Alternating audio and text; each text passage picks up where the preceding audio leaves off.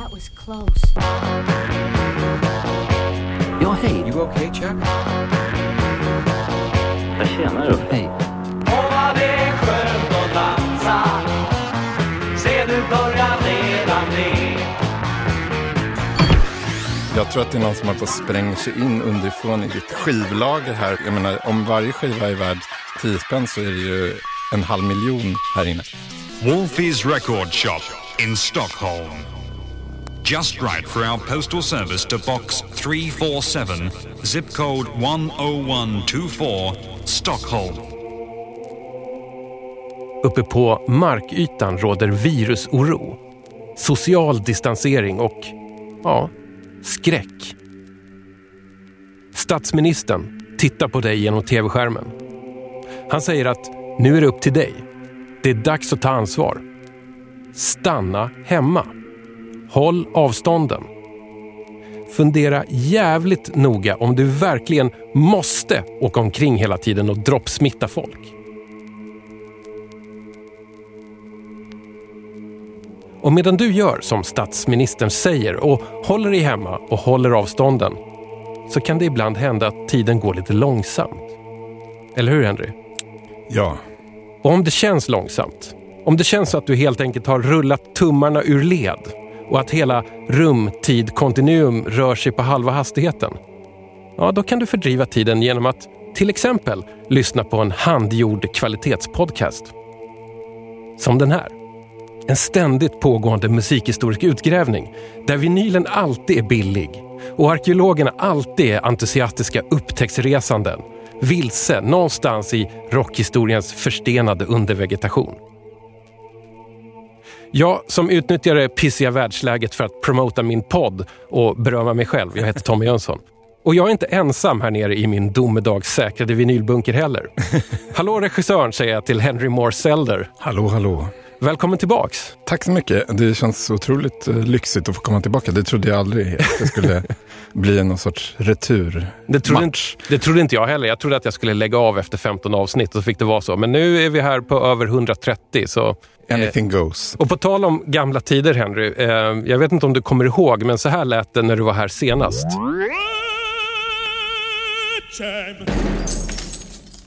Vad fan är det här? Det här är Leonard Bernsteins, eh, Bernstein, Bernstein, Bernstein. Jag tror man säger Leonard kanske. Bernsteins A Mass. Och på slutet var det som A Mess. Men du var ju faktiskt med i DJ 50 Spänns barndom våren 2014. ja, Kommer du ens ihåg vad du hade med dig? jag kommer ju ihåg A Mess där. Men det sjuka var att jag hörde nyheter, för jag lyssnade på någon annan podd, eh, inte lika cool och eh, känd, eh, som heter eh, WTF Mm. eh, med Mark Maron. Och då hade han eh, den här komikern som spelar huvudrollen i en, en HBO-serie om en, om en cyklande knarkkurir. High maintenance. High Maintenance. Och hans mamma, berättade han, turnerade med Leonard Bernsteins eh, Rockmässa. när han, innan han föddes. Och sen liksom gav hon upp sin musikerkarriär för att liksom föda honom och Jaha. flytta till typ New Mexico eller någonstans i liksom, öknen. Du hade också med dig Sveriges vanligaste soulskiva. Ja, Eh, George McRae. precis. Men oväntat bra bitvis. Ja, ja den, är, den är inte så dum faktiskt. Du hade du dig symfonisk svensk snuskdisco med Kenneth Groids och lite sån här barytonskönsång med Gurra Wiklund. Så att du hade ju någon slags här gold standard av 10 kronors vinyl Aha, med nej, dig. Precis. Alla de där skivorna har man ju nästan sett några gånger. Mm. Men eh, nu har jag lite konstigare grejer med mig. Precis, för att du har råkat vara i Rumänien och varit i närheten av en loppis och grävt. Jag var där bara, liksom, jag åkte, det kändes som att det var det, det sista resan man gjorde på något konstigt sätt. För att jag, jag åkte dit och så precis liksom när jag åkte så började allt det här corona Ja. grejen hända. Så att medans jag var på, jag bodde på ett så här stort eh, Sheraton hotell som var väl liksom 20 våningar Mm. högt. Och från början så var det så här som ett vanligt stort hotell med massa folk. Och för varje dag så blev det liksom mindre och mindre folk. Och jag åt ju frukost, jag var där i tio dagar. Mm. Och de här tio dagarna var verkligen så här, de tio dagarna som skakade Europa. Hilton, höll jag på att säga. Nej, skakade det här hotellet. För att eh, till slut så satt jag själv i frukost. Aha. Det var ingen, de tog bort frukostbuffén efter fem dagar. Sen var det så här bordservering, de spejsade ut borden. Mm.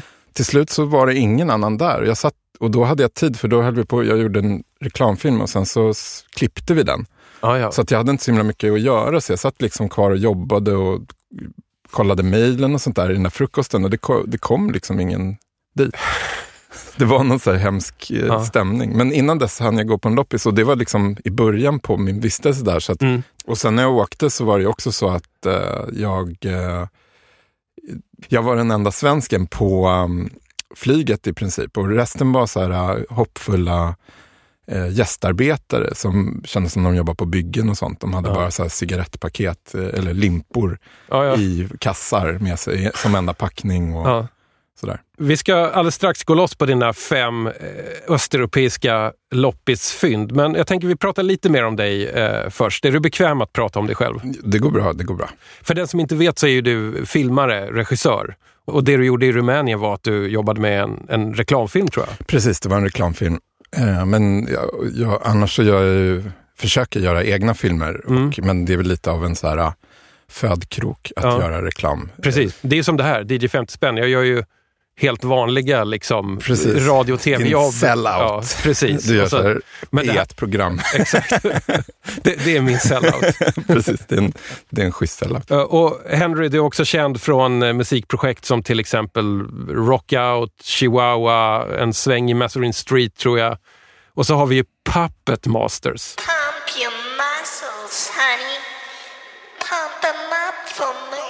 Puppet Masters tänkte jag nämna här för att ni gjorde sån här nyprimitiv och liksom tuff bodybuilder elektro kan man Precis, säga. det var väl lite som att vi försökte bränna igenom alla så här lite stilar som var coola just då. Nej, men som vi gillade och som, men som vi också drev med. Men, men det var inte alla som... Eller jag vet inte, vi, vi, vi, vi gillade dem ju jättemycket men, men det, vi Mm. kunde inte låta bli att liksom skoja med det lite. Nej, Men, precis. men det var en rolig recension av den här skivan, för den släpptes om så att den är ju lite nyaktualiserad. Ja men exakt, jag tänkte komma in på det för att, för att Puppet Masters skiva Midnight Graffiti hette albumet. Det släpptes ju liksom egentligen i slutet på CD-eran, 2003. Och sen tidigare i år, eller slutet på förra året kanske, Precis i december så förra kom året. det som vinyl reissue. Precis.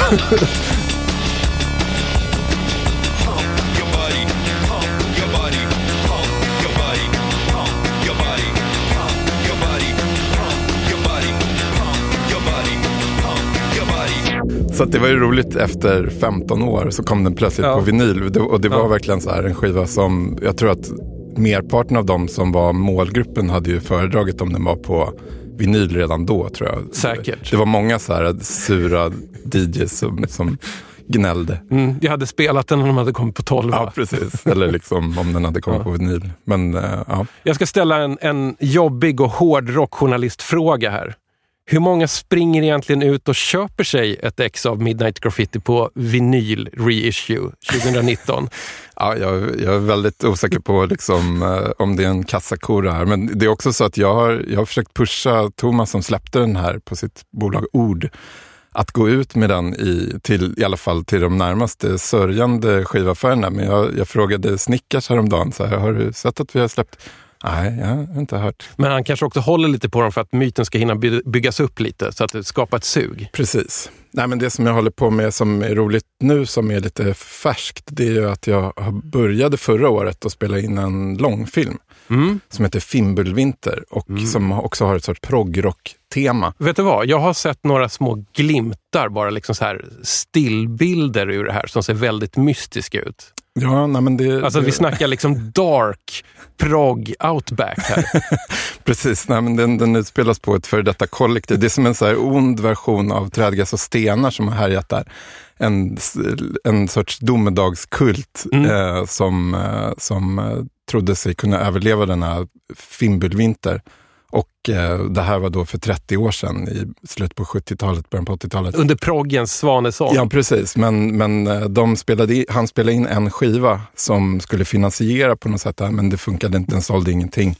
Men den har blivit en kultskiva för unga proggfantaster. Mm. Men samtidigt så är då den ondskefulla ledaren för den här kulten, han har ju gått vidare i näringslivet och blivit eh, chef på ett eh, telekomföretag bland annat. Mm. Och, eh, men har hamnat i klammeri med rättvisan, så han är på flykt. Så då tar han sin tillflykt till den här, eh, det här kollektiv, för detta kollektivet där en stackars fortfarande chockskadad progggubbe bor kvar.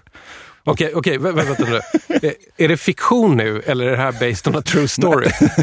Ja, det, är jätte, det är roligt, det är jättemånga som frågar mig det varje gång jag pitchar den här, men det, är- det är fiktion, det är ett helt påhittat. Finns det någon tidsram eller någonting? När, när skulle man kunna Alltså se det filmen sjuka Vinter? var ju att vi skulle ju spela in i denna vinter som inte blev någon vinter. Det måste ju vara fan att vara regissör till en film som heter Fimbulvinter när det är liksom global uppvärmning först och sen coronakris Ja, nej, men det är någonting, det, det är som att någon försöker säga något till mig.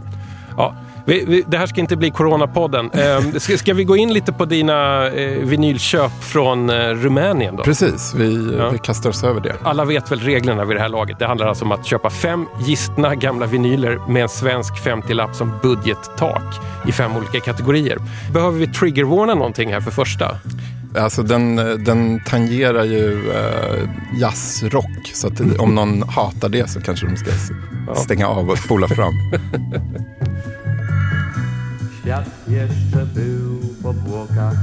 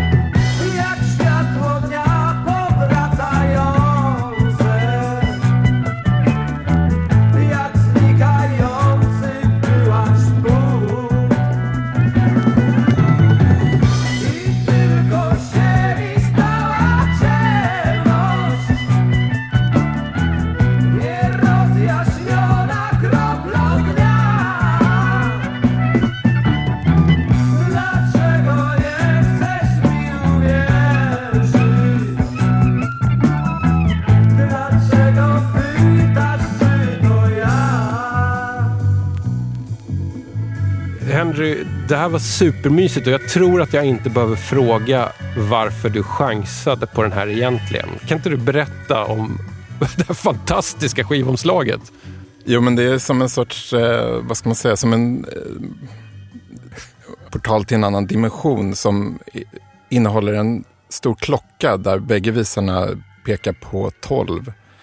Och eh, under den så är det en drake och en kattfisk. Ja, Eh, och eh, allt är liksom omgivet av en sorts pulserande färgkaskader. Och Ja. underst så är det en lite häftig bil som, med öppna dörrar, som att någon har kastat sig ur bilen. Mm. Och den är på väg i full fart mot oss. Mm. Vet, du vad jag tänkte på när jag såg det här omslaget? Alltså det går inte riktigt att göra rättvisa med ord. Men, men jag började tänka på att det är liksom den här trippigheten i, i liksom färger och former som är liksom lite så här Professor Baltasar-aktigt. Fast det här är liksom progressive rock, fusion jazz-versionen det, av det. det är som en så lite seriösare, lite vuxnare variant. En liten- Men ändå ha kvar det här lekfulla. Men, men det finns något mörkt ändå i botten. Mm. Men eh, vi har inte sagt vad det här vad det Nej, heter. just det. Skaldovje heter bandet. Ja. Det är en polsk skiva som Ja. heter Stvorosenia Sviata Czesk Druga. Mm. Då kan man ju tro att det handlar om tjeckiska droger. Men ja, gör det då. ehm, jag, jag, jag hoppades lite det när jag köpte den, att det skulle vara något riktigt eh, pårökt, Mm. eh, flummigt. För det ser ju ut så omslaget. Men, men det betyder, det är en, en riktigt tung eh, titel. Det heter The Creation of the World Part 2. ah, just det. Och vi lyssnade på ett spår som heter eh, Jaksnik Ajavsi punkt. En, en punkt som försvinner bort i fjärran. Precis, Vanishing Point. Och det är lite intressant med den här bilen, för då om man tänker på Vanishing Point, det är ju en väldigt känd Ja, just det. film med en man som kör över hela USA och slutar med att han kör, nu spoilar jag den totalt, men Ja, men den är från 1972 tror jag, så det är kanske är okej. Men han, han kör rakt in i en grävskopa och dör. så ni behöver inte se den Han filmen. heter väl Kowalski? Han heter Kowalski, så det kan finnas Skaldovje Ja. Kowalski, Polsk, Polish Ja. connection. Eh, Skaldovje i alla fall betyder skalderna. Det chansade jag inte på, utan då fick jag hjälp här. För att jag tog hjälp av en kompis. Hej Jakob Palitski, för att kunna uttala både gruppnamn och albumtitel och låttitel. Men alltså, jag klantade mig så något så fruktansvärt så jag råkade radera de här röstmemorna som han hade pratat in och skickat till mig. Så att här sitter vi och gör bort oss med polska uttal. Precis. Å andra sidan, polska verkar vara ett giftigt svårt språk Ja. att lära sig, i alla fall uttalsmässigt. Ja, nej, men jag, läst, jag läste ryska på gymnasiet, sen har jag liksom inte praktiserat det. Så att jag manglade det säkert på något riktigt så här äh, vidrigt äh, imperialistiskt sätt också. Ja. Så det lät ryskt. Men Henry, det här är din chansning. Eh, vad, vad gick genom ditt huvud när, när, när du liksom Nej, la ögonen jag, på jag den blev här? ju jätteglad när jag fick syn på den för den såg så härlig flummig ut. Och sen så är jag ju, jag har en liksom sweet tooth, eller vad man ska säga, för polsk musik. Jag älskar polska band och skivor och sådär. Så det jag köper nästan alltid om jag hittar något eh, på någon loppis och det inte verkar vara alltför torrt. Liksom. Vad tycker du om, om eh, Jack Snick, Jack Snick Jossi punkt? Förlåt, alla som polsktalade. Men vad, vad, vad kände du när du lyssnade på den här? Nej, men den har ju något så här sug i sig som är både, de har ju den här, äh, på det här, nu lyssnar vi på deras så att säga, sida med lite mer kommersiella låtar. På A-sidan är det bara en enda lång låt som, som heter Creation of the World Part 2. Och det, det låter lite som det. Nej men den är ju så här Mahavishnu Orchestra-aktig på något sätt med Ja. synt och, och stråkar och lite så här freak out på gitarrsolo. Ja, och, och lite så här själ- härliga progressive rock-orglar Ja, jag också. jag har lite svårt för Hammond-orgel. Alltså jag, jag älskade det när jag var eh, 17 eller något. Jag vet inte, men, men jag, jag överdoserade tror jag. Lite som med så här irländsk folkmusik. Att efter en kväll på, på Tre Backar med, med eh, för övrigt det fantastiska bandet Mollys så, så var jag liksom botad från irländsk folkmusik och ville aldrig mer höra det i hela mitt liv. Det var inte liksom deras fel, men jag fick någon sorts total överdos. Ja, jag fattar det. Eh, och det är lite samma sak med Hammond-orgel, att jag har liksom eh, missbrukat det och eh, ja, nu, nu är jag bränd. Mm. Men jag tycker faktiskt att i alla fall det här svirrande solot är ju lite jobbigt, men det här svirrande, lite atmosfäriska, det tycker jag är något som Hammond-orgel är väldigt bra på och det tycker jag de utnyttjar snyggt här. Mm. Sen är det alltid schysst med band som har en dedikerad percussionist som det här bandet.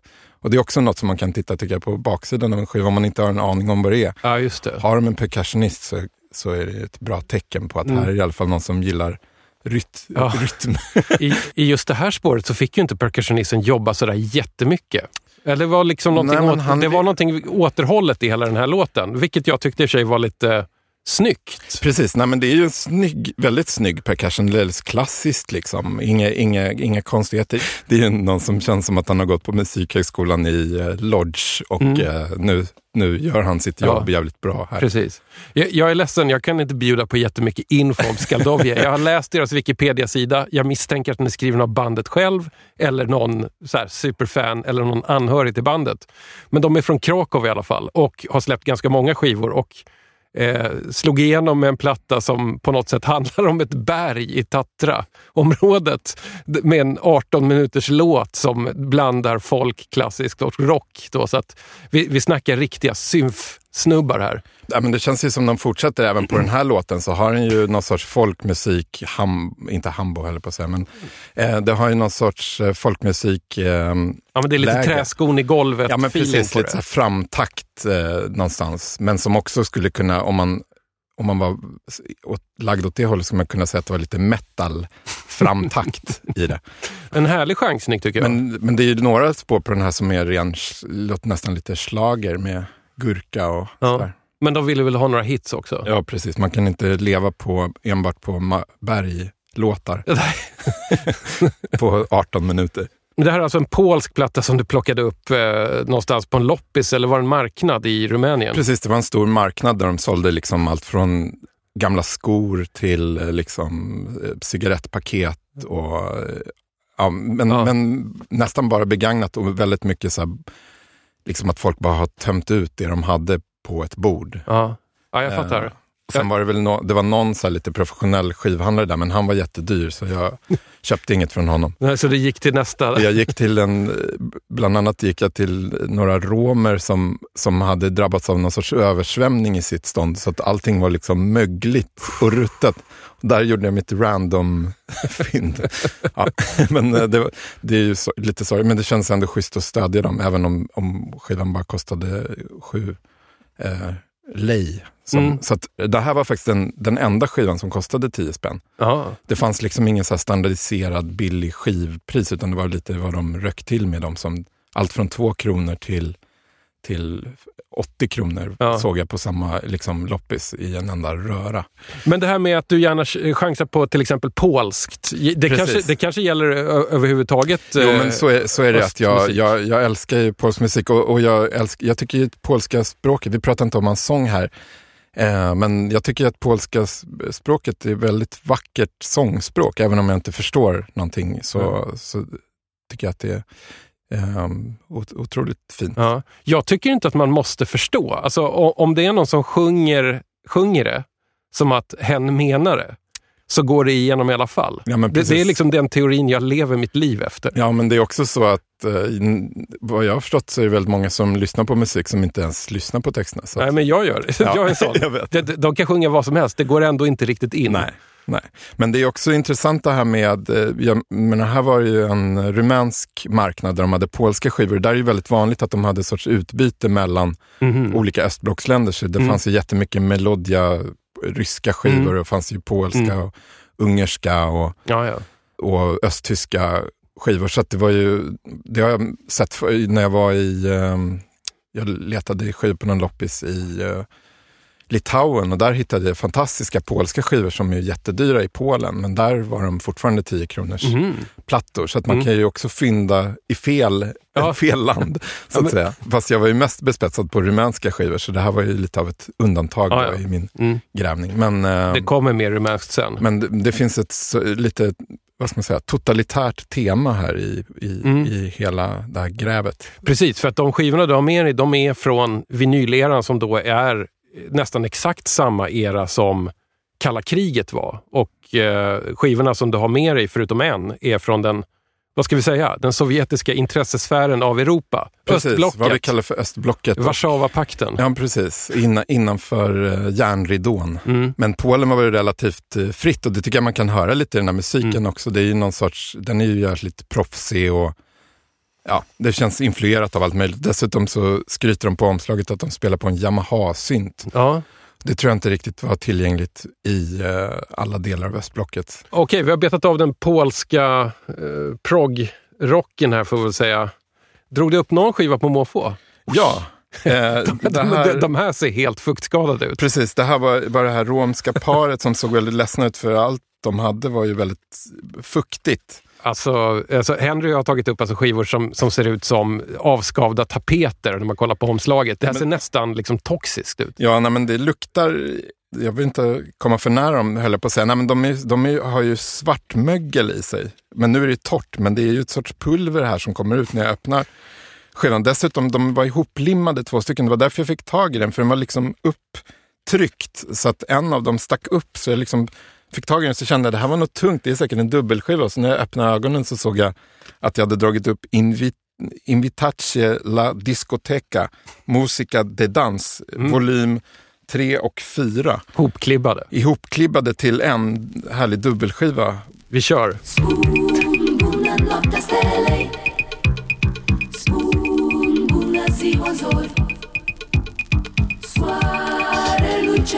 Noaptea rolul de cocori Spun cale vieții Salut lumina în zori Întotdeauna primul. Chiar când asupra stori Random access. Final. E foarte bine,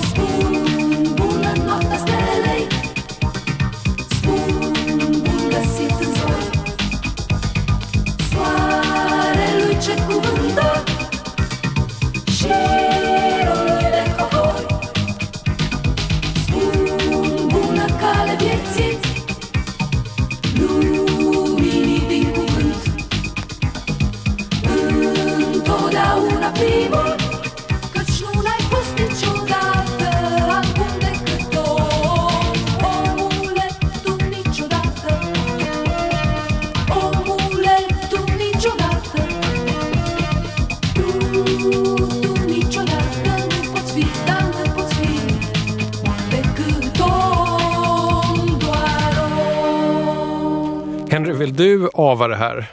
Vill du liksom så att säga få liksom uttals Svarte Petter? Eh, nu ska vi se. Eh, ja, det var Stereo med eh, Salud Lumina Vieci. Det betyder eh, jag hälsar dig livets ljus enligt Google Translate. Jag kan inte rumänska. Nu är jag Det- besviken. Någonting sånt kanske. Eh, Gruppul Stereo ja, eh, eh, har jag sett när jag har letat efter vilka stereo var. Precis, det verkar som att nästan alla band hette någonting med gruppul eller... eh, Jag tror att det helt enkelt bara betyder grupp. Alltså att det är så här, så ungefär som estniska band alltid heter ensemble. Precis, men gruppul eller formace. Så jag vet Asså. inte om formace är mer ett band och gruppul är en sorts eh, sånggrupp kanske. Det här är ditt eh, liksom slumpfynd så att Ja, säga. var, alltså för en slump, ett slumpfynd så var det ju sjukt eh, tur att hitta samlingsskivor. För att jag menar, jag hade ju dessutom två samlingsskivor så jag Mm. Hade ju väldigt mycket att välja på. Mm. Eh, och det är lite svår, svårt att gissa när den här musiken är ifrån kanske. Mm. Men, men, Men den- vad skulle du säga? Den, Bara på, nej, jag, av hur det vet, jag, låter? vet att, jag vet faktiskt att den här skivan är från 1985. Och det finns ju, på något sätt så upplevde jag när jag lyssnade på de här skivorna och på lite andra grejer som jag hittade att det finns någon så här eftersläpning.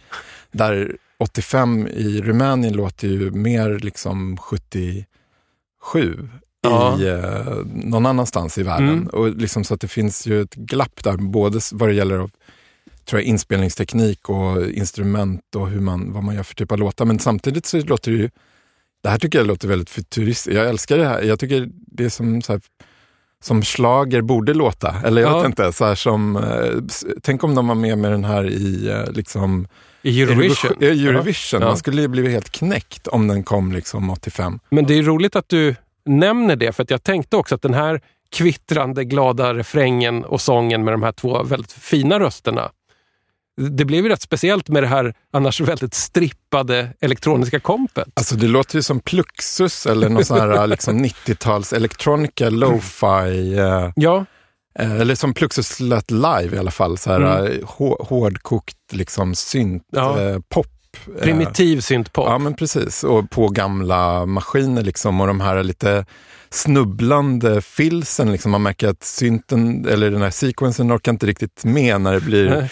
32-delar eller vad han Ja. försökt sig på där. Så det liksom bara rasar ihop. Ja. Men det, det är så otroligt coolt ljud. Jag, jag lyssnade lite online, för det här är ju från en skiva med stereo som jag också letade efter. För att jag, efter att jag hörde den här låten, när jag hade hittat den, så var jag tvungen att lyssna på mer stereo. Mm. Och den, det finns faktiskt ännu bättre låtar, så det finns mycket ute där. Och nästan alla ligger ute på, på, i alla fall på Youtube, så att man kan lyssna på stereo. Vi kan nämna det också att Gruppul Stereo är alltså eh, två tjejer, eh, Krina Mardare och Elena Perianu. Eh, enligt Discogs här, det är den lilla infon jag har att gå på, så eh, var de en, en sån här vokalduo som gjorde skivor själva. Men de sjöng också i bakgrunden bakom ett rumänskt popband som heter Sphinx, som de till slut blev liksom, vad ska vi säga, fullvärdiga medlemmar av. Ah, okay. Och sen, sen vet jag ingenting mer om vad som hände med Men den som verkade vara hjärnan bakom det här speciella hårdkokta syntljudet är ju någon som heter Adrian Enescu. Mhm. Som, som jag förstått det som att han var lite av en sån här Pierre En- Henry-liknande, nästan så här abstrakt elektronisk kompositör som liksom blev uppsugen av... Och det ska ju sägas att alla de här skivorna, alla de rumänska skivorna som släpptes under hela eh, fram, fram till liksom eh, Rumäniens eh, revolution där var ju på det här statliga skivbolaget som heter Electricord. Just det. Så att allting var ju tvunget att gå igenom den här statliga liksom, Mm. processen. Att, så det måste ju godkännas och sådär. Och han, Adrian Enescu, han var, gjorde också filmmusik till ganska mycket Mhm. rumänska filmer. Men Mm. han var liksom lite äldre så här. Eh, man lyssnar på det, också på hans solo eh, skiva som heter Funky Synthesizer, som är lite så här Wow. library-aktig. Där låter han lite som en rumänsk Patrick Cowley. Alltså disco-producenten? Disco eller, eller liksom high energy-producenten? Ja, men också som, som gjorde film, eh, musik till en massa gayporrfilmer. Ja. Liksom, som nu har släppts på, på skiva eh, efter, Ja, efter lång det. tid. Men, Ja. men eh, väldigt så experimentellt och coolt liksom, sound. Så, så Adrian Enescu som är någon slags producent, arrangör, kompositör bakom det här. någon, är någon slags liksom, seriös kompositör som sugs in i pop. Ja men precis, och, och liksom, jag vet inte om han tvingas, men han, han gör väldigt bra liksom, eh, bakgrunder till det här, stereo framförallt. Mm. Sen så det sista jag hittade liksom, med honom var någon skiva där han just hade gjort som backing till en så här schlagersångare som, eh, som kändes som han var med i Eurovisionsschlagern när man såg Ah. klippet på Youtube. Och Mm. då var det ju lite bortputsat det här eh, hårda Ja. syntsoundet. Men just här 85 så hade han ju verkligen prickat inåt. Mm. Det är en sån kontrast mellan de här liksom, liksom fina, välproducerade schlagersångrösterna, kvinnorna, och så har, har du det här strikta, torra, eh, liksom elektroniska kompet till Ja, det. men det är som att de inte kunde göra så mycket, de kunde liksom inte bryta ut de separata ljuden och mixa dem, utan det är som att allt kommer, nästan som att de har en sån här Bontempi-orgel Ja. med allting med bas och allting ihopbakat och de Ja. kan liksom inte få loss det. Så att de liksom, Men jag tänkte på en sak du sa nyss här, att det finns en viss eftersläpning i sound och kanske i teknik i studion och, och i influenser och sådär. Och sen i nästa andetag så nämnde du att det är så här som Fluxus lo- lät, till exempel i början på 00-talet. Egentligen kan man väl säga att det här är ju, de kanske var före sin tid genom att, att göra den här konstiga mixen av Bontempi sound, alltså hemmaorgel, rytmmaskin-sound och fina röster. Lite, lite så här halvtaffligt. Att det, det blev ju sen en influens för liksom vår tid. ja men verkligen, Nej, men, så här, de var ju jätteför sin tid på ett sätt, men jag tror inte att de liksom, ins- de var säkert, de, de föreställde sig säkert att de skulle få fram någonting annat, men jag tycker det låter helt fantastiskt. Och mycket av det som jag hört av just den här eran och, och lite tidigare ifrån Rumänien låter ju helt fantastiskt. Jag tänkte fråga här, du har sprungit omkring på en utomhusmarknad i Bukarest. Var det det? Ja, Och du har liksom grävt i koffertar och lådor och, och utsatt dig för fuktskador och sådär. Men också bläddrat igenom massvis med musik som du har liksom absolut noll referenser till. Hur funkar du som skivgrävare i en sån liksom, situation där du inte har någon referensram att hänga fast i? Om man är helt eh, i blindo så, så får man ju som sagt kolla lite vad spelar de för instrument, ser det här roligt ut, vad är, vad är det liksom jag tittar på? Men det var väldigt svårt med de här skivorna. Till exempel så hittade jag någon skiva som såg helt fantastisk ut med någon sorts elgitarr som var som ett rymdskepp som åkte genom rymden. Och, och, eh, men, men den var ganska dyr så jag tänkte att den där måste vara helt fantastisk. Men jag kommer ihåg att vad de hette, det där bandet Holograph. Oj. Och då visade det sig att det var någon sorts här jättedålig stadiumrock från 1988. Och, och alla, alla skivomslag i Rumänien är ju liksom tryckta på någon sorts kartong som med minsta åverkan blir som någon sorts mjukt dasspapper nästan, fast tjockt. Så det var också omöjligt att avgöra hur gammal en skiva var, eller liksom om den var från 50-talet eller från 90-talet. Det var liksom samma dassiga Ja. papperskvalitet. Så att, Sträv, mjuk, sladdrig Ja, kartong. precis. Så, och matt, liksom, matt tryck, inte blankt. Eh, men men eh, det jag gjorde var faktiskt att jag, när jag fick det här uppdraget, för att för du Tommy frågade mig innan jag åkte och då, då fuskade jag på så sätt att jag liksom gick in på Youtube och så googlade, eh, liksom, sökte jag så här Romanian funk, Romanian, lite så här genrer som man gillar och så bara dök det upp några namn så jag hade någonting att hålla med och några av dem dök faktiskt upp här i, Ja, ja. i Mm. grävet och var inte jättedyra skivor för det kändes lite som en så här, även om folk har varit där och säkert letat, men det är inte så här som i vissa länder, där man, som om man, jag har varit i Brasilien, där är det helt galet dyrt. Liksom. Mm. Det är dyrare att köpa brasilianska skivor i Brasilien än i Sverige. Så, för att det är så mycket japaner och britter som har varit där och liksom dammsugit och håsat upp priserna. Medan i Rumänien så har inte de varit utsatta för samma Nej. anstormning tror jag. Hittade du någon skivbörs eller loppisklassiker där? Ja, nej men det, det, det är också roligt när man inte har någon koll. Liksom. Då blir det väldigt mycket, Rätt svårt. det blir svårt men samtidigt så var det så när jag hade, sen kollade jag på några fler loppisar, då insåg jag att flera av de här skivorna som jag slog till på var ju loppisklassiker, eller kanske alla. De dök upp igen. Vi slänger på dig en klassiker här så... Det här är lovande. Det är Oj, oj, oj. första spåret på andra sidan. Skivbörsklassiker.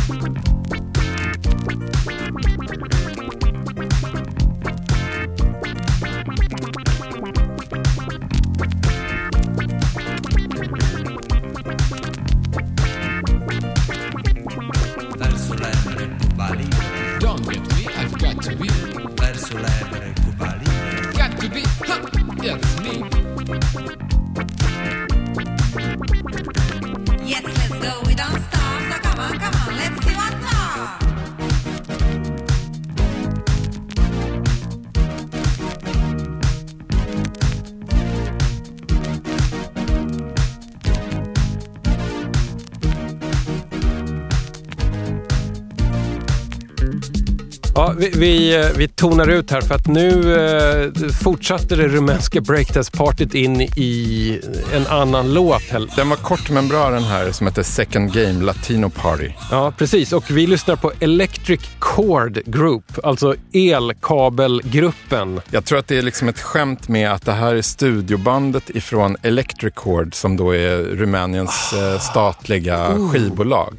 Ah. Och att de kallar sig då för Electric Chord Group när de fick vara lite coola och Ja. göra en breakdance-skiva. Ja. Lite Men- otippat. Ja, men wow alltså. En rumänsk breakdance-platta från 1986. Med, med liksom någon slags, ja jag vet inte vad vi ska kalla det här, liksom ett, ett så här, lite så här pulverkaffe-varianten av latino-pop liksom. Precis, det, det, är verkligen... ehm, den, den har ju väldiga kvaliteter tycker jag den här, men det, Det är men rap så mycket också. latino är det kanske inte. Men det är ju eh, fascinerande med breakdance i Rumänien 1985. För nästan alla de här skivorna, eller ja, både den här och den här samlingsskivan är från 85. Och eh, jag vet inte om det var en stor grej. Jag, jag, fråg, jag försökte fråga lite folk så här, det här med Mm. breakdance, är det, är det något som, som ni höll på med här? Mm. 85 och klipparen som jag jobbar med nu, en filmklippare, han, han blev lite förbannad liksom å, å, å rumänska folkets vägnar. Oj, fan- var det känsligt? Ja men så där lite liksom, vadå 1985, folk svalt, tror att de dansade breakdance liksom. Jaha, ja. Eh, Ceausescu hade ju fått för sig att han skulle betala tillbaka statsskulden då och bli liksom helt oberoende. Och då ja. exporterade han i princip all mat och allting som inte satt fast Mm. i, eh, i Rumänien bara för att liksom få in pengar för att betala av skulden. Så att folk, Mm. eh, det här var ju riktigt tuffa Mm. tider. Mm. Och, och då kom han med den här breakdance-skivan. Det stack liksom i ögonen. Han blev inte arg på mig, men han liksom Ja, blev eh, irriterad på tanken. Att, ja. att någon tyckte att man skulle dansa breakdance. Men, Ja. men man måste ju få någon sorts eh, break också. Eh, ifrån- Ja, men precis. Och sen, och sen eh, tänker jag så här. Jag har någon gång hittat en ungersk breakdance-platta från ungefär samma tid. Jag tror att artisten hette, eller gruppen, hette Mickey. Men där var det ju så pass pedagogiskt att instucken i skivan så var det ett litet pappersark. Där det var liksom tryckt då instruktioner för så här dansar du. Ja. Och det var rap på låtarna och det var också det här försöket av att göra elektro. Fast man har ett helt band som ska spela det. Ja, man har några blåsor som inte kanske passar in i Nej. den här musikstilen, men, man, Ja. men de är ändå där och är avlönade. De kanske till och med stod i deras liksom, arbetsbeskrivning att jag ska Mm. spela sig så många eh, blåsarr på Ja. per dag. Då kan man inte komma dit och vara en uppnosig liksom, ung producent som säger att det ska bara vara syntar och kanske lite scratch och lite beatjuggling. Nej, men det är också det här, men det måste ju, på något sätt måste det ha blivit en hit, för det finns också en Breakdance 2 såg jag när jag kollade Electric Chords eh, diskografi. Ja. Mm, Och jag hittade ytterligare en skiva med Electric Chords som jag köpte innan den här, men som mm. var eh, aerobics music. Och Ja. den här har också ett aerobics-spår som heter Talking Aerobics. Mm. Den här eh, aerobics-musiken från Östeuropa, inte rumänsk då, men i alla fall sovjetisk finns, eh, det dyker upp ibland till och med i Sverige. Mm. vet jag. Och eh, häromåret så gjorde Jakob Vendén, som är eh, känd under skivgrävar-aliaset Dollar Bin Spin, så han, han och jag har satt ihop en liten mixtape, eller vad man ska säga, en sån här utflykt till DJ 50 spänn. Där körde vi in eh, det här, ett spår från den här sovjetiska aerobicsplattan som var bra. Ja. Och där det också är talade instruktioner på, på ryska. Så att den har ju någonting, eh, ja, om man har det minsta liksom Östeuropa-fetischism i sig, i sig så går man igång på den Ja. där krocken. Det finns ju någon sorts genre också med så här, eh, sovjetiska sportskivor med musik till sporter. Mm. En hel serie som också är en sorts ganska hårdkokt elektrofunk. Liksom, Mm. som, som också är bra, så jag tänkte att det var något i den stilen. Det här är ju lite liksom lökigare Ja. än de grejerna, men, men det är ändå... Att, här syntsolot låter ju riktigt schysst. Ja. Jag hade lite svårt att hänga med i rappen, men jag tror att han möjligtvis rappade om, en, om eh, någon sorts drink där. Mm. Eh, Det är också lite roligt. Men att, att sjunga om Cuba Libre och sånt där, det gör man i svensk slager också väldigt ofta. Det är liksom hela 80-talets Svensk Top Goes schlagerfestivalen musik är väldigt mycket referenser till att dricka paraplydrinkar. Ja, nej, men det var väl så här, vi lever för semestern-inställningen Ja. lite. Att man ska liksom leva ut och då, Ja. varför inte köra lite breakdance när man är nere på Precis. solkusten Ja. vid Svarta havet. Men jag måste ändå säga det här att eh, breakdance blev ju liksom en stor fluga eller trend i Sverige också där, 84 ungefär. Och när vi sitter här och liksom tänker att gud vad konstigt att de hade såna här breakdance-skivor utgivet på ett statligt bolag i Rumänien och även i Ungern, så hade vi det kind of i Sverige också. Ja. Alltså ungdoms-tv-programmet Bagen 1984 hade en dansskola som hette Freak Out där man kunde lära sig dansa electric boogie, breakdance och lite andra saker. Och där fanns det ju en skiva som såldes också från skivbolaget TV Gram som var SVTs egen label. eh, den här nej, skivan... vi levde ju också Ja. i en eh, liknande Ja, miljö. och den här skivan har, Statskontrollerad miljö. och den här skivan har ju också såna här, liksom, eh, ett litet instruktionspapper för hur man dansar och så vidare. Och musiken var också ett väldigt så här, hemmasnickrat sätt att försöka göra electro eller hiphop. Jag vill minnas att Costa Apetrea Ja, hade men det var, jag tänkte hans namn åkte upp i mitt huvud nu, när, jag, när jag hörde det där. Men det är, det är, faktiskt, det är ju ganska likt att det är någon så här studioräv eller gammal proggare som ska Mm, det det axla ansvaret Ja. för, för eh, den nya musiken. Och Mm. också när ingen riktigt vet hur man, vad är. De spelar ju bara gamla skivor, vad ska vi göra? Ja, vi tar in Koste eller eh, någon Ja. annan. Man blev ju lite sugen på att höra liksom hur den svenska breakdance-instruktionsplattan som gick i statlig tv, hur, hur den skulle låta i våra öron idag. Men jag Ja. har aldrig hittat den för en Ja, tia. ja, nej. Men, men jag, tror, jag har en känsla av att det är lite, faktiskt det är också så här ganska lökig. Det är Mm. inga coola låtar. För jag har hört den, jag, jag, möjligen har jag haft den någon gång. men eh, det var inga höjdare direkt. Så, att, så vi ska nog inte se ner på, på det här. Men det som är märkligt är väl lite så här, fanns det, i Sverige så fanns det nog lite breakdance innan det där programmet kom. Ja, det gjorde att det. det fanns folk Mm. som breakade, det var ju ändå svenska med. Men fanns det rumänska breakdansare innan den här skivan kom? Det kanske var så att de faktiskt lyckades pricka in någonting, att de hade liksom, de måste ju ha gjort någon sorts marknadsanalys. Vad, vad vill ungdomen ha? Hur ska vi liksom Mm. hålla dem i schack här? Det, måste ju funnits liksom en politisk vinkel på allt som släpptes på något sätt, eller liksom en, en större strategi i ett sånt Ja, totalitärt kanske. land. Ja, kanske. Eller så har det dykt upp av sig självt, men att man vill liksom så att säga claima det och föra in det på den safea delen av Ja, arenan. precis. Att det inte ska vara någon sorts farlig Ja. underground-scen, utan Ja. nu, nu Jag googlade lite på just det här liksom, eh, breakdance i liksom, det gamla östblocket och då fanns det åtminstone i Sovjetunionen en, en trend som verkar ha uppstått tämligen spontant i alla fall. Och det har till och med gjorts ungdomsfilmer i mitten på 80-talet som innehåller då scener där unga dansar breakdance på, på gatan. Ja.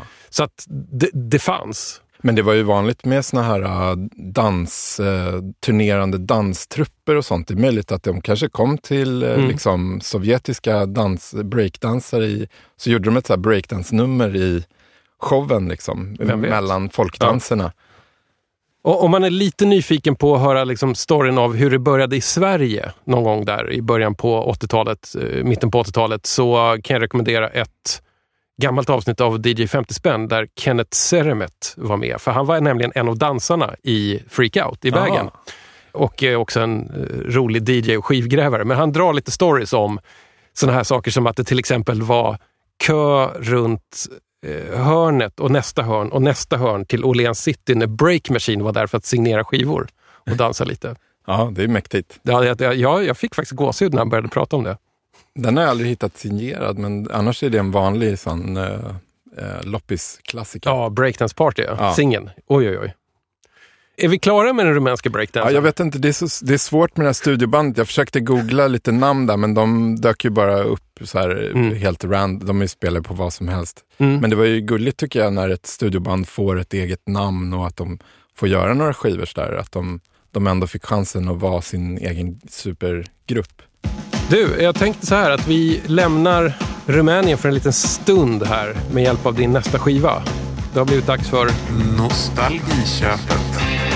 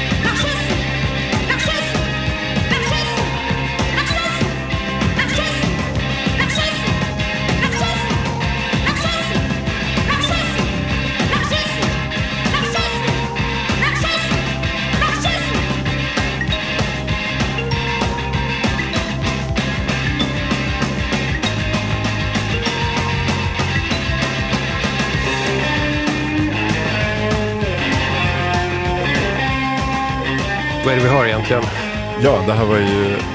Heter den Erschüssen? Erschießen. Erschießen, sorry, förlåt. Jag är inte helt hundra. Det var Ja, länge nej, sedan jag pratade någon bra tyska. Precis, om någonsin. Jag, men, det är i alla fall det är lätt att uttala namnet på det här bandet, Ideal. Ideal. Från eh, ett, en LP som heter Der Ernst des Lebens. Livets allvar. Ja, och den här var en eh, tung, tung låt från den. Eh, Deutsche Neue Welle Ja, skivan. eh, Precis. Som är kanske en av de mest sålda Deutsche Neue Welle, alltså tysk new wave. ja Punk. just det. Jag gillar det här för att det, det är liksom alltid så här liksom stökigt men jävligt straight och taggigt. Om du fattar vad jag menar. Det är liksom så här nerverna på utsidan Ja, hela tiden. verkligen, det har ett otroligt bra driv och, och liksom eh, skönt riffande som bara Ja. öser på. Den här låten som vi, vi lyssnade på nu, det, jag, tror att jag tror att du kanske ändå försökte översätta det, men det betyder någonting med skjuten. Ja, nedskjuten. Och, och, och, Ja. och jag, jag eh, gjorde en här Google Translate på texten så att jag kommer inte citera den ordagrant men själva grundidén där är att man, det är så jävla tråkigt så att låt oss klättra upp på Berlinmuren och bli ihjälskjutna mot Ja. en vägg och hjärna, rätt, ett skott i hjärnan. Och så. Ja, ja. Mm. så den är oerhört mörk Ja. låt. Det där är ju lite som man gärna ville se på tyskar överhuvudtaget på, på 80-talet. Alltså se på tyskar utifrån. Min favoritsketch någonsin i Saturday Night Live var ju Sprockets. När Mike Myers låtsas vara liksom en källar-tv-host, programledare i svart polo som pratade om en väldigt liksom utpräglad tysk brytning om bara finkulturella och svåra och mörka saker. Och det slutar alltid med att han och andra män i svarta trikåer och polotröjor dansar uppspeedat till Electric Café. Men det är också det där, jag menar, mycket musik som är så här, äh, vad ska man säga, äh, hela den, hela den här svartrocken var ju liksom djupt äh, rotad i Berlin med, med liksom Nick Cave och The Bad Seeds. Och jag tror ju att de hade no humor, liksom, men, det, men jag tror inte att det uppfattades så riktigt. Men Varför är det här ett nostalgiköp för dig? det är nostalgi från kanske tidigt, eh, sent 90-tal, tidigt 2000-tal, typ när, eh, när man började ladda ner så här massa MP3, MP3 och desperat bara, wow, man kan let, hitta vilken sorts musik som helst. Så börjar man kolla så här, eh, det var ju någon, vad fan hette den som, Jag vet inte vad du tänker på för plattform. Det fanns ju fler stycken där. Soulseek var, det, ju var en... inte soul, det var en som var verkligen så bra för obskyr musik. Mhm. För den, Mm. den tipsade om artister där, om man hittade liksom en krautartist så kunde den tipsa om Så tio andra. vidare. Ja. Så att det blev som en sån här grej och så helt plötsligt från någon sorts kraut så kom man in på det här tyska new wave-grejen bara, inte för att man visste hur det lät utan bara för att det var liksom länkat på något vis via den här äh, andra grejen. Och det, det finns ju en tydlig kraut-koppling till ideal. De har ju, vad ska man säga, kraut credentials. Tänker du på producenten på den här Ja, men skivan? f- först på deras första skiva, som det här är deras andra skiva. På första skivan så var det Klaus Schulze som ju var med i Tangerine Dream och, i, Ja, och soloartist och, precis. och hade sitt fantastiska skivbolag som hette Innovative Communication. Det var ett så bolag där, de, där han släppte någon sorts postkraut Ja, och då eh, Deutsche Neue Welle ja just i det här fallet. Men, För de flyter ihop lite grann. Ja, men det, men det, det är sånt bolag också som blev väldigt stort inom eh, new age sen. Så Ja. att de, Mm. eh, det gled liksom över och då hade Schulze lämnat det. Så, att, Ja. så det var någon som man drev det med som liksom mycket så här, eh, folk som Helmut Hattler och Rolf Seidler och sånt där. Som släppte skivor. Men, eh, nej, men nu återvänder vi till Ideal. Ja, du på något sätt hittade till den här typen av musik Jo, via liksom det digitala musiklandskapet Ja, som men öppnade sig verkligen. där. Det öppnade sig någonting där och då upptäckte jag jättemycket musik på jättekort tid. Och eh, man höll på och skickade mp3 till varandra och så där. Men det här var, var ändå något som var med på en massa blandband eller bland-CDs var det i det fallet. Då. Så de hade jag någon sorts känsla för. Sen var det, trodde jag att jag hittade den första skivan, för det var den jag hade. Men eh, det här var ju den andra skivan och den hade inte jag lyssnat på lika mycket. Och här kan vi säga då att det finns då liksom en, en krautrock-koppling, för den här är väl producerad av eh, Conny Plank. Va? Precis, och inspelad i hans studio. Om man inte vet vem Conny Plank är nu så... Då får man ställa sig i skamvrån. Ja, faktiskt. Men om man, om man ska bryta ner och göra det enkelt så var han eh, en studioägare och musikproducent och ljudtekniker som låg bakom väldigt mycket banbrytande musik. Och jag vet inte liksom riktigt hur hans kreativa input och process såg ut, men resultaten, många av resultaten blev ju fantastiska. Alltså då pratar vi Kraftwerk i början, vi pratar Duff när de blev liksom lite syntiga. Divo spelade in sitt första album där, alltså sitt första riktiga album, om man ska säga. Och så vidare, och så vidare. Ja, nej, men han verkar vara en väldigt schysst person också. Mm. Han var ju också musiker själv, så han gjorde ju några skivor med, med några av de andra krautgubbarna ifrån Kluster och sådär. Mm.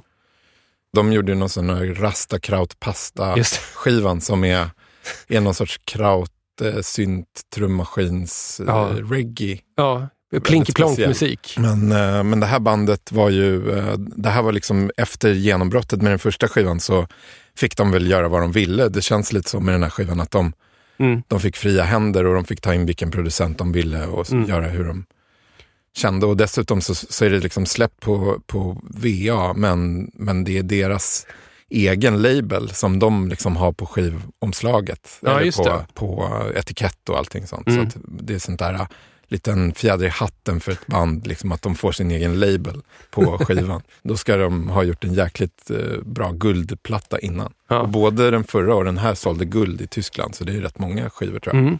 Men den här skivan hittade du alltså på en utomhusmarknad i Rumänien? Ja, i bakluckan på en, på, på en skåpbil med bättre bara bättre. tyska, tyska skivor. Så det var liksom någon som har åkt till Tyskland och köpt upp liksom ba, jättemycket dålig så här, umpa umpa musik och, och b- vad som helst, allt som var tyskt. Och sen stod den här bland dem, så det var den enda liksom vettiga.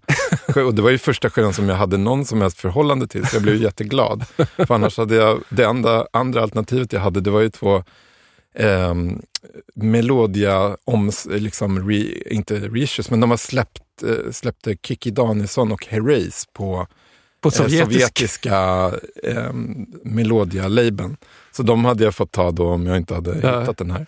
Ja, det är i och för sig varit lite kul att ha. Var, var det samma liksom sladdriga, liksom tunna kartong på Ja. de omslagen? Ja, det var det. Men, men det var ju eh, ryska då, men, men det var ju väldigt snyggt. Herreys med kyrilliska bokstäver, det var ju, Ja. och Kikki Danielsson också, Mm. var ju väldigt snyggt. Eh, Men på tal nu om, om ideal och Neue Deutsche Welle och sånt där. Har du analyserat dig själv liksom varför du ändå sögs in i tysk musik någonstans där? Ja, men det var nog, jag hade ju hört så här kraftverk och sånt, men, men jag tyckte att det öppnade sig liksom en ny värld där det var så mycket mer som var bra och som, var, som man inte hade hört. Mm.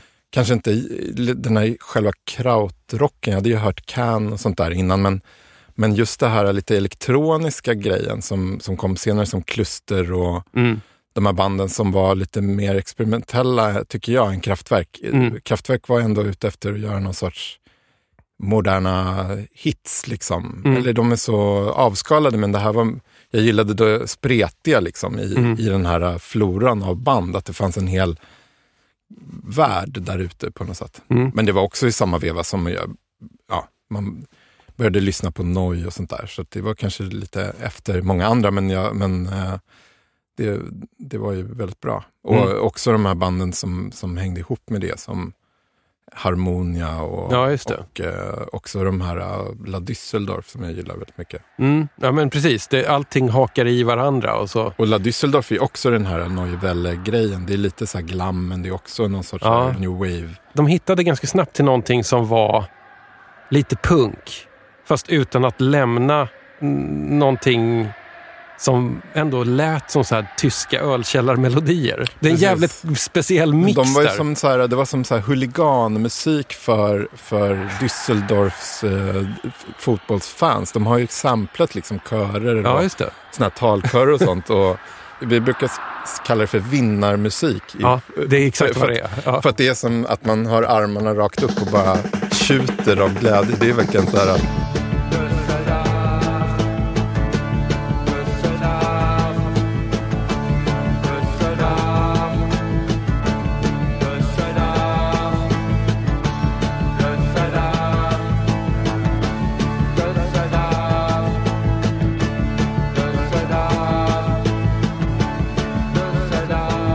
är lite läskigt för det är också något så lite lätt fascistiskt med vinnarmusik. Alltså, jag gillar ju ofta så här melankolisk och lite, inte deppmusik men, men att den har någon sorts lite så här mollig Ja, jag ton. förstår. Men det där är Mm. verkligen så här, det är ju moll också men det är någonting med det som är bara, det bara bygger och bygger och bygger Mm. och bygger och långa, långa låtar liksom. Ja.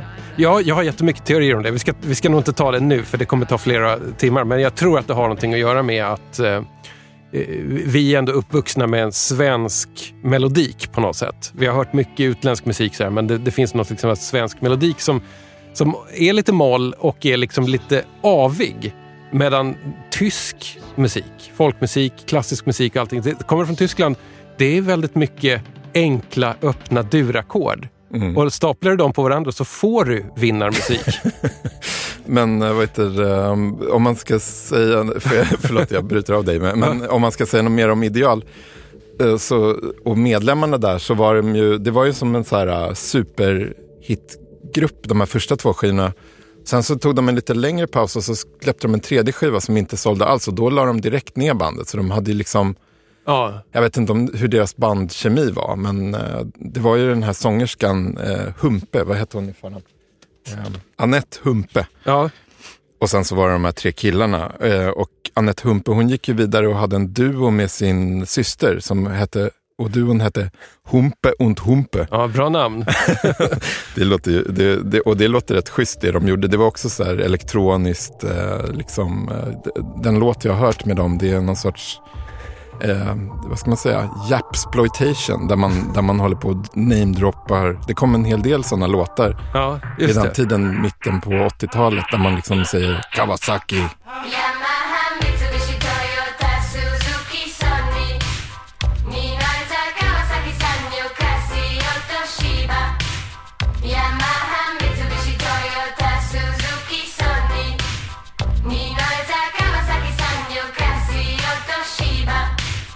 Ja. Man, man name- namedroppar japanska varumärken. Ja, försöker låta japanskt liksom. Det var väl inne med lite så här el- Yellow Magic Orchestra och sånt där och så försökte Ja. folk haka på. Ja, just det. Ja, men det, det kommer säkert därifrån. Det finns ju en hel del bra i den genren också.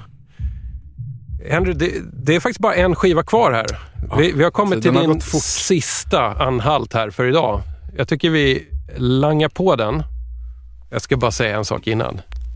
Jösses.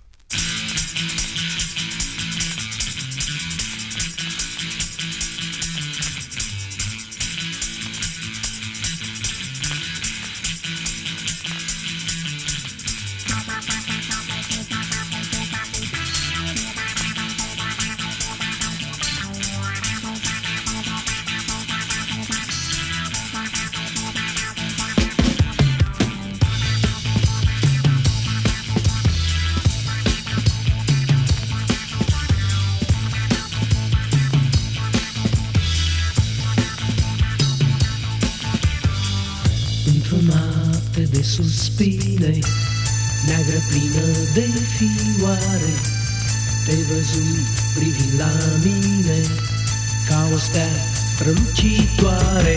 Tu, dar cine ești tu oare?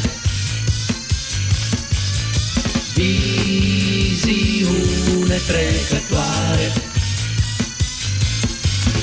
Zână care vii din stele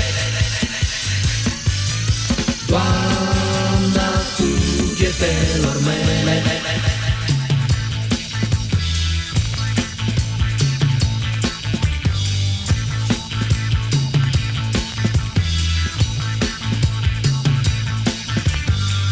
Și-a mea geană lăcrimândă Tu aștepți cu o sărutare Avierea cea plăpândă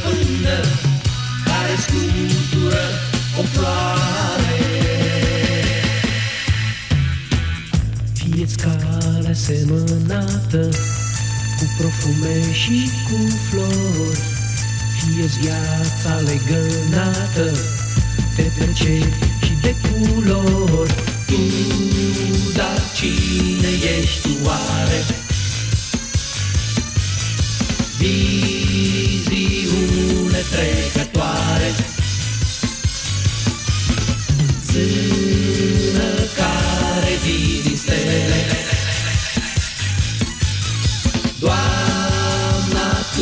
you tell of.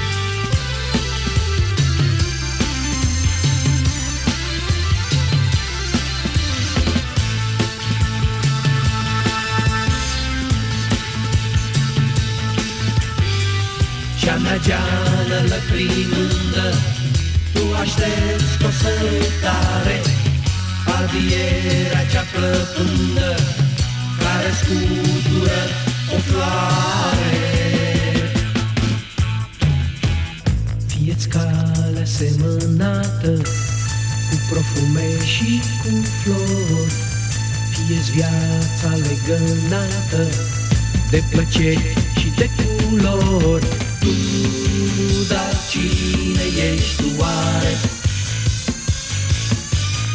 Viziune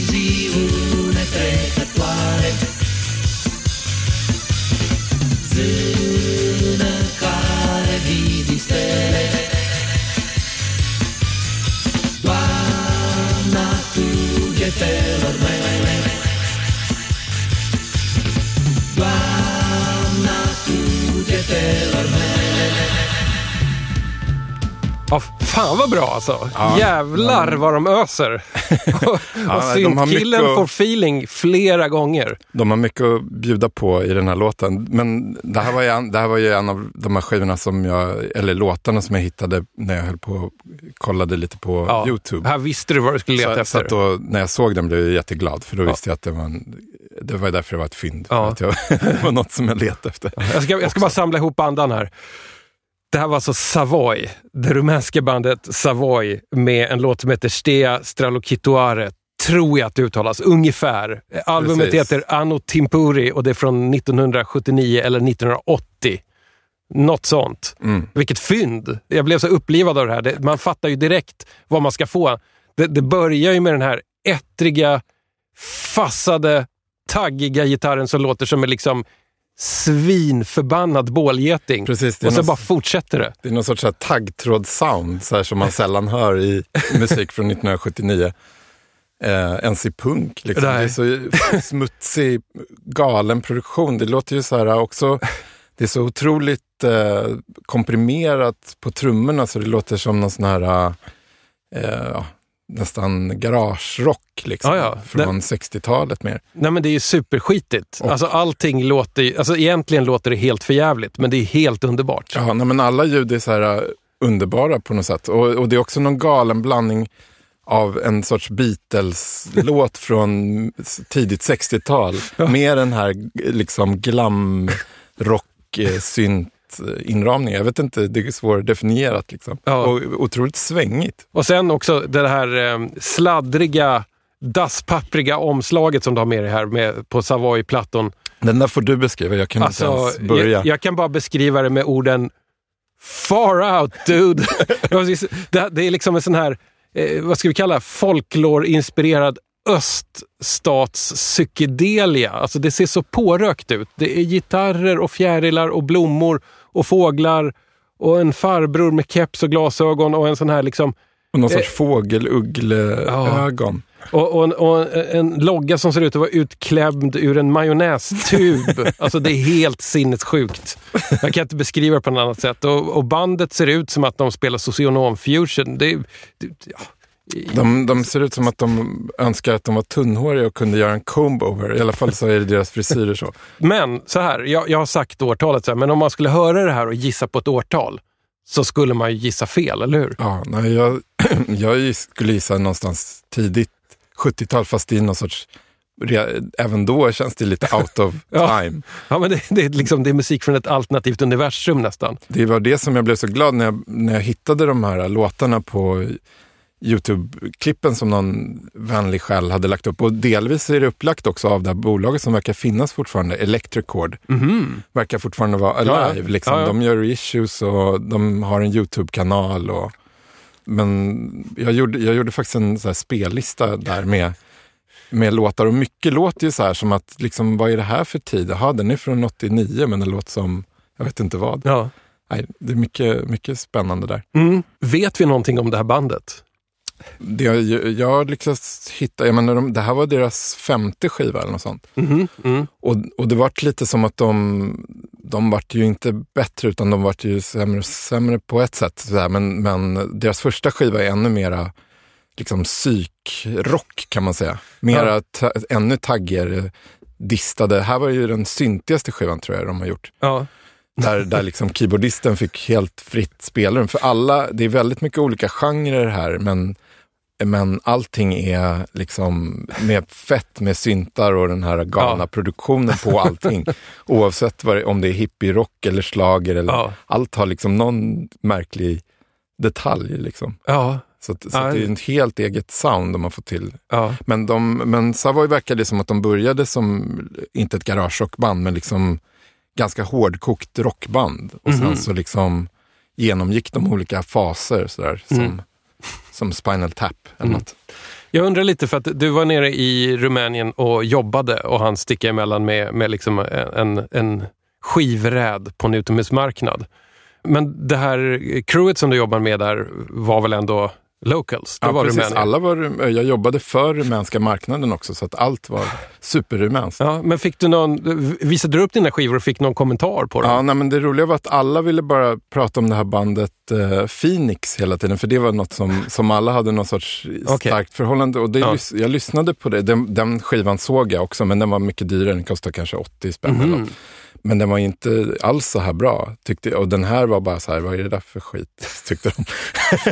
det var inget som någon liksom, förmodligen så sjunger de inte om någonting vettigt medan det här Phoenix liksom var någon sorts lite, Ja. jag kunde tänka mig att det var så här politiskt laddade texter och Mhm. att de kom undan på något sätt med att Ja, ja. kritisera Mm. makten och så här, som säkert Mm. var jätteviktigt och de var säkert mycket coolare typer än de här socionomerna som Ja. Savoy. Men, men, eh, Savoy ville bara rocka. Ja, men kanske.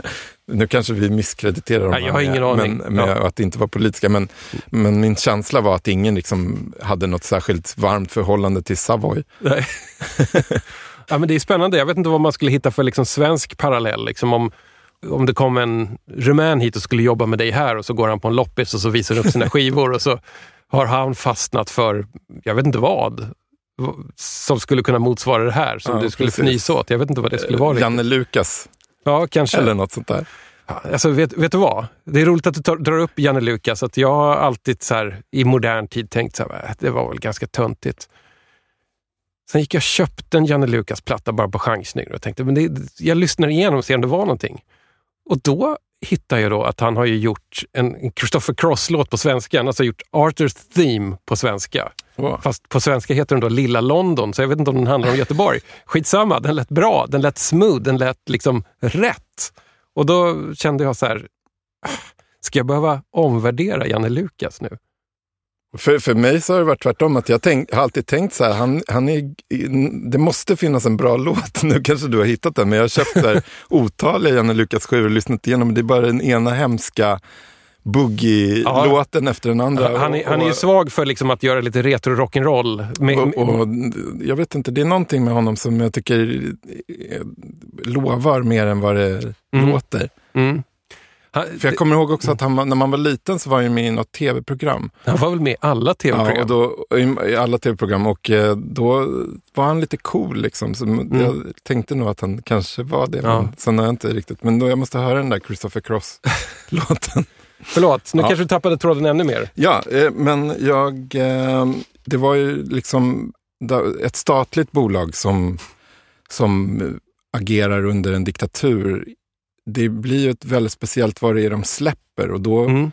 liksom vi, vi vet ju inte vilka fantastiska band som inte släpptes, men just i Rumänien så finns det ett band som, en, som heter eh, GA Rodion, som jag har lyssnat lite på. Det var typ det enda som jag hade känt till innan jag kom till Rumänien av så här lite cool Aha. rumänsk musik som kom i reissue för kanske fem, tio år sedan. Lite osäker på när. Men, men, Och, och när släppte de, eller när var de aktiva från Nej, början? men det släpptes aldrig, utan det var så här garage, heminspelningar och sånt där. Men jättehård, liksom galen synt eh, musik. Och, eh, Som cirkulerade på kassett då? Ja, som han gjorde kassetter av.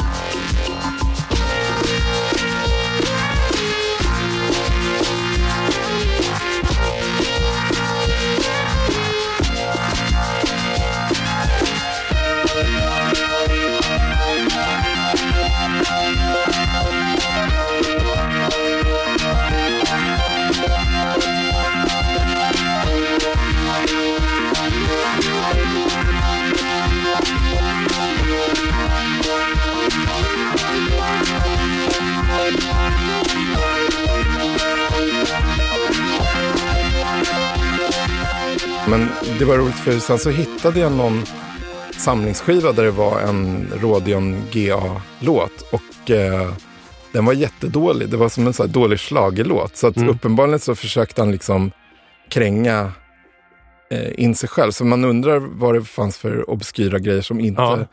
kom ut. Men det är också intressant för det var ett liksom, format som jag hittade flera skivor i. Det är någon serie som heter Rock där de släppte liksom två band, fick göra en splitskiva och sen Mm. släppte de aldrig något mer. Så det var som att de betade av en massa lite mera obskyra one-off band som bara fick en chans i rampljuset med en halv LP-sida. Ah. Liksom. Ja. Jag tog faktiskt med ett Ja, men par. ska vi köra en då? Det, det finns några, det här är nog den hårdaste liksom lo-fi eh, disco som jag någonsin har hört. Du säljer in det helt rätt. Men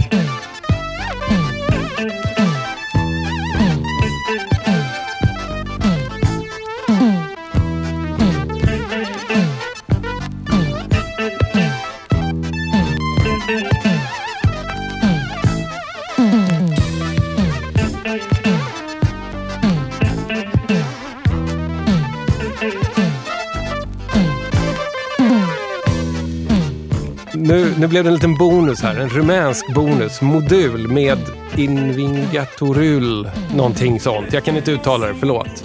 Men vi kollade vad det betydde och Det betyder vinnare. Ja. Fan vad skönt. Vi pratade om vinnarmusik nyss. Ja, precis. Och här är väl vinnarmusik om något. Nej, men det var bland det konstigaste jag någonsin Ja. har hört faktiskt. Ja, men- På ett statligt... eh, Ja, alltså, rumänskt det är bolag. svårt att ens liksom ta in vad det är, men det låter som boogie-disco spelat av fulla människor på primitiv utrustning och de vet inte riktigt vad de gör och håller på att trilla framåt.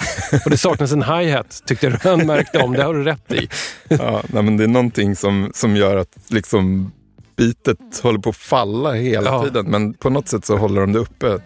Det är rätt coolt ändå. Alltså, det, är- det är så svårt att ens föreställa sig den här musiken. Ja, men också om man tänker att det här har liksom passerat massa olika instanser där det ska godkännas av någon Ja. statlig Mm. liksom, skivmogul som liksom, Ja. okej, vi ger ut det här. Ja. Ehm, Men de kanske bara så kollade så här, ja, ja, de verkar inte så kontroversiella, vi släpper igenom det. Och då kan sådana här saker passera. Men, men det hade inte passerat liksom Stickan Andersson. Tvärtom. Nej, men det här är så lo-fi, så hårt så att man har ju aldrig hört dess like tycker jag. Det, det är ju extremt hårdkokt. Det är musik som man nästan skulle kunna få, så här, inte mardrömmar, men du vet, så konstiga drömmar av.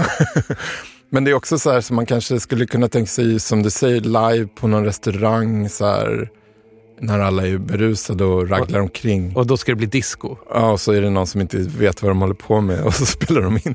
Henry, det var jättehärligt att du eh, kom tillbaks hit.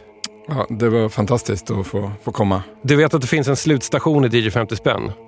Jag tänkte kanske ändra på den lite grann. Du har ett val att göra. Vill du ha det som vanligt med James Last eller vill du ha lite tongångar från de sista andetagen av Sovjetunionen? Ja, nej, jag måste ju höra det här sovjetiska andetagen. Vad bra, för att jag har plockat fram här nu, inspirerad av din eh, rumänska skivgrävar-odyssé så kollade jag igenom bara min egen låda vad jag har hittat för östeuropeiskt från kalla kriget-tiden i min egen back. Och då för ett par månader sedan så hittade jag den här skivan. Det står med kyrillisk text här, Novi Savjet. Och det är alltså Novi Savet. Jag tror att det betyder Nya Testamentet och det är en Jesus på omslaget. Och märkligt nog så är det här alltså White Metal utgiven på det statliga sovjetiska bolaget Melodia 1991. Ja, det var nog det radikalaste man kunde göra i Sovjet. Jag tror lite grann att när de såg den här skivan så förstod de att den här världen håller på att gå under. Ja, Vi kör det som en avslutning den här gången ehm, istället för James Last. ja. Jag ska lägga på den här sen om du inte vill höra den.